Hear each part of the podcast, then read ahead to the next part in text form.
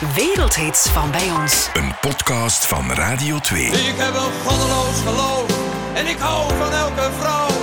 En misschien ben ik geworden wat jij helemaal niet wou. Maar papa, ik lijk steeds meer op jou. De liedjes die ik schrijf, die drijven op de golven van mijn leven eigenlijk. Papa is natuurlijk het centrum van mijn kleine eh, liedjesuniversum. Omdat ik daar eigenlijk zo mijn eigen handtekening zette onder een nummer. En papa was eigenlijk het stuk waar ik boven mezelf uitsteeg voor de eerste keer. Dat is het zaadje waaruit de hele boom gegroeid is. Absoluut. In 1991 komt Papa van Stef Bos uit. Het wordt zijn bekendste nummer. Een liedje dat Stef tot op de dag van vandaag nog graag zingt en zijn publiek blijft ontroeren. Stef schreef het liedje in 1988, toen hij te horen kreeg dat zijn papa erg ziek was. Want de directe aanleiding was dat ik naar Nederland ging. Ik woonde in Antwerpen op de Lange Nieuwstraat. Ging op bezoek bij mijn ouders. En het was in een weekend. En ik hoorde toen dat mijn vader ernstig ziek was. Die had een, een, had een, een melanoom, noemen ze dat. Een soort ingekapseld gezwel ontdekt in zijn rug. En het nieuws was gewoon niet goed. Die zei van ja, de dokter zegt dat het nog een paar maanden zijn. En ik was toen 27 of zoiets. En ik denk, dat kan niet. Viel zo'n stilte thuis. Omdat ik voelde als jongen, als zoon... ik sta op het punt om iets te beginnen. Toen hij vertelt dat, dat hij waarschijnlijk niet lang meer te leven had... kijk ik naar hem. Hij zit in zijn kardinaalstoel. Dat was zo'n grote stoel. Wat, dat was ook zijn stoel in de woonkamer. En hij kijkt naar de nagels van zijn, eh, van zijn vingers. En hij zit met de ene hand een beetje vuil onder de nagels weg te halen van de andere hand. En de manier waarop hij dat deed, als een soort mantra, dacht ik: oh fuck, ik doe het op dezelfde manier. Ik heb dezelfde ogen en ik krijg jou trekken om mijn mond.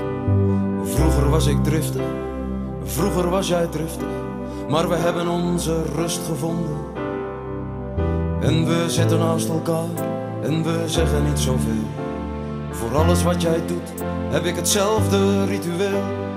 Papa, ik lijk steeds meer op jou. Toen voelde ik in de trein terug naar Antwerpen, kotste ik die tekst er in één keer uit. Omdat ik denk, ik moet hem nu iets vertellen. Stel dat hij er over een paar maanden niet meer is, dan moet ik nu de kans pakken, niet om te laten zien wat ik kan, maar om te zeggen dat ik van hem hou. Want dat was niet het makkelijkste. Dat is tussen mannen sowieso een. Altijd zijn punt. Nou jongen, daar hebben we het niet over. Emoties, dat, dat weet je. eh. Dus ik kwam terug thuis. Lange Nieuwstraat 147, Antwerpen. En ik had die aantekeningen. En ik heb nog het origineel dat ik gewoon, eigenlijk gewoon ratsch, ratsch, ratsch. Mijn verdeling maakte met streepjes eh, voor de kantlijn. Dat ik wist, het moet een soort balladevorm zijn. Hij komt altijd terug op dezelfde zin. Papa, ik lijk steeds meer op jou. En op een gegeven moment, belangrijkste zin. Papa, ik hou steeds meer van jou. Daar werk ik eigenlijk de hele tijd naartoe. Als de emotie eruit moet, dan komen die zinnen, die ontsnappen je. Want er is geen zin in papa die ik bedacht heb.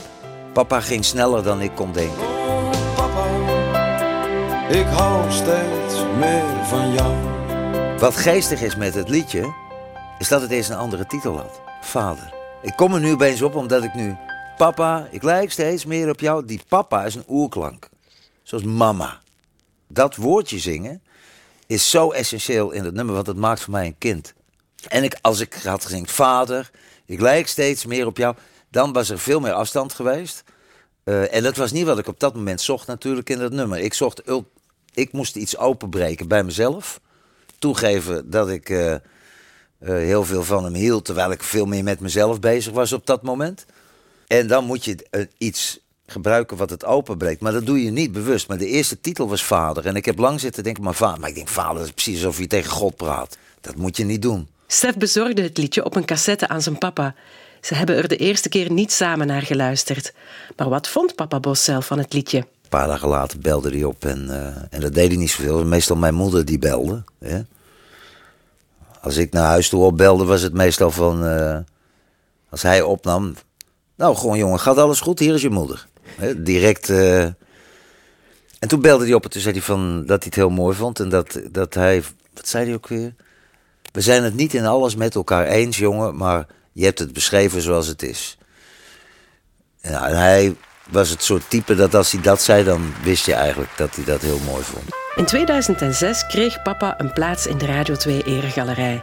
De papa van Stef Bos reageerde toen op die prijs vanuit zijn huis in Venendaal. Beste Stef, geliefde zoon. Bij de presentatie van je CD is dit nu later. Wat plaatsvond in Hilversum omstreeks 1990, waren je moeder en ik aanwezig. Met begeleiding van een pianist bracht je enkele liedjes ten gehore, waaronder Papa. De liefdevolle wijze en de warmte waarover je zong over jouw opvoeding in ons gezin, was voor ons waardevol en ontroerend om mee te maken. Hartelijke groeten vanuit Veenendaal. Alle goeds toegedacht. Van je toegenegen vader. Nou, Papa, ik hou steeds meer van jou. Papa, ik lijk steeds meer op jou.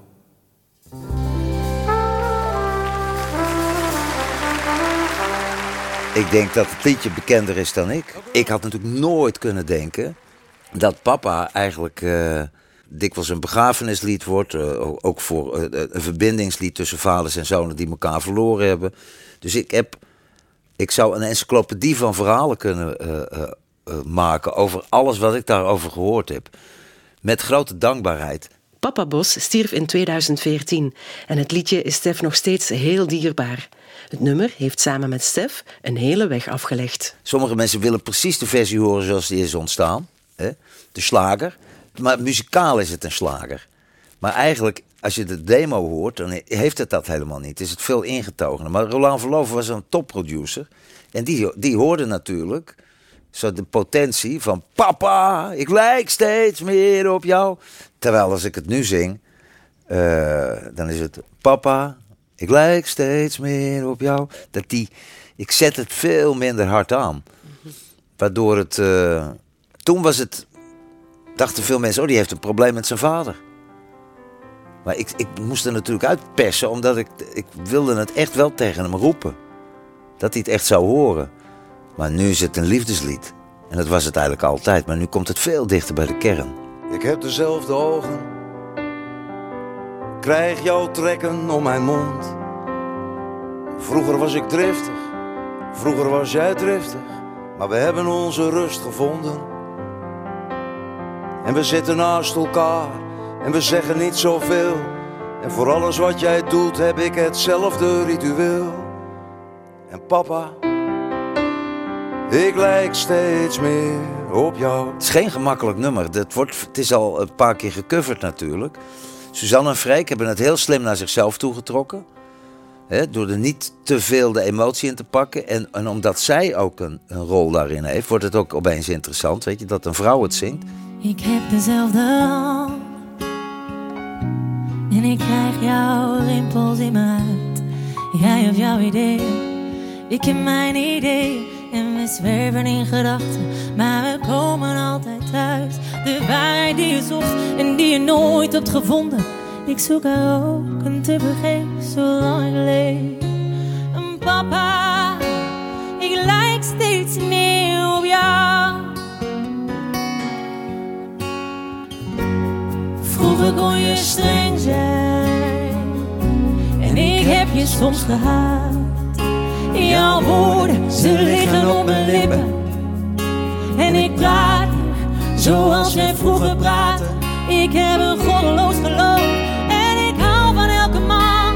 Misschien ben ik geboren wat ik helemaal niet kan, maar papa, ik lijk steeds meer op jou. De meeste mensen breken er hun nek over. Omdat het, zit, het nummer heeft muzikaal. eh, is er, zit er niet zoveel vlees aan. Dus je moet echt voor de tekst gaan. Je moet echt uit je kloten zingen. Anders dan. eh, Dus de laatst deed de zoon van Frans Bauer het voor zijn vader. Topversie. Vroeger kon je streng zijn En God, ik heb je soms gehaat. Maar jouw woorden, ze liggen op mijn lippen. En ik praat nu, zoals jij vroeger praatte. Ik heb een goddeloos geloof. En ik hou van elke vrouw. Misschien ben ik geworden wat jij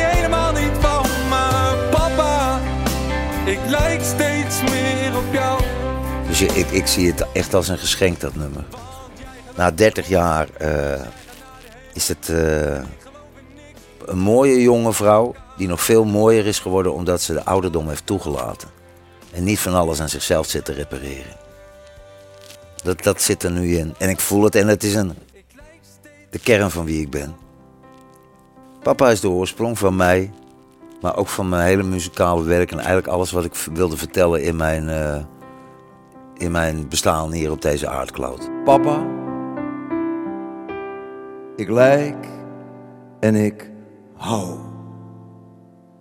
Hou steeds meer van jou.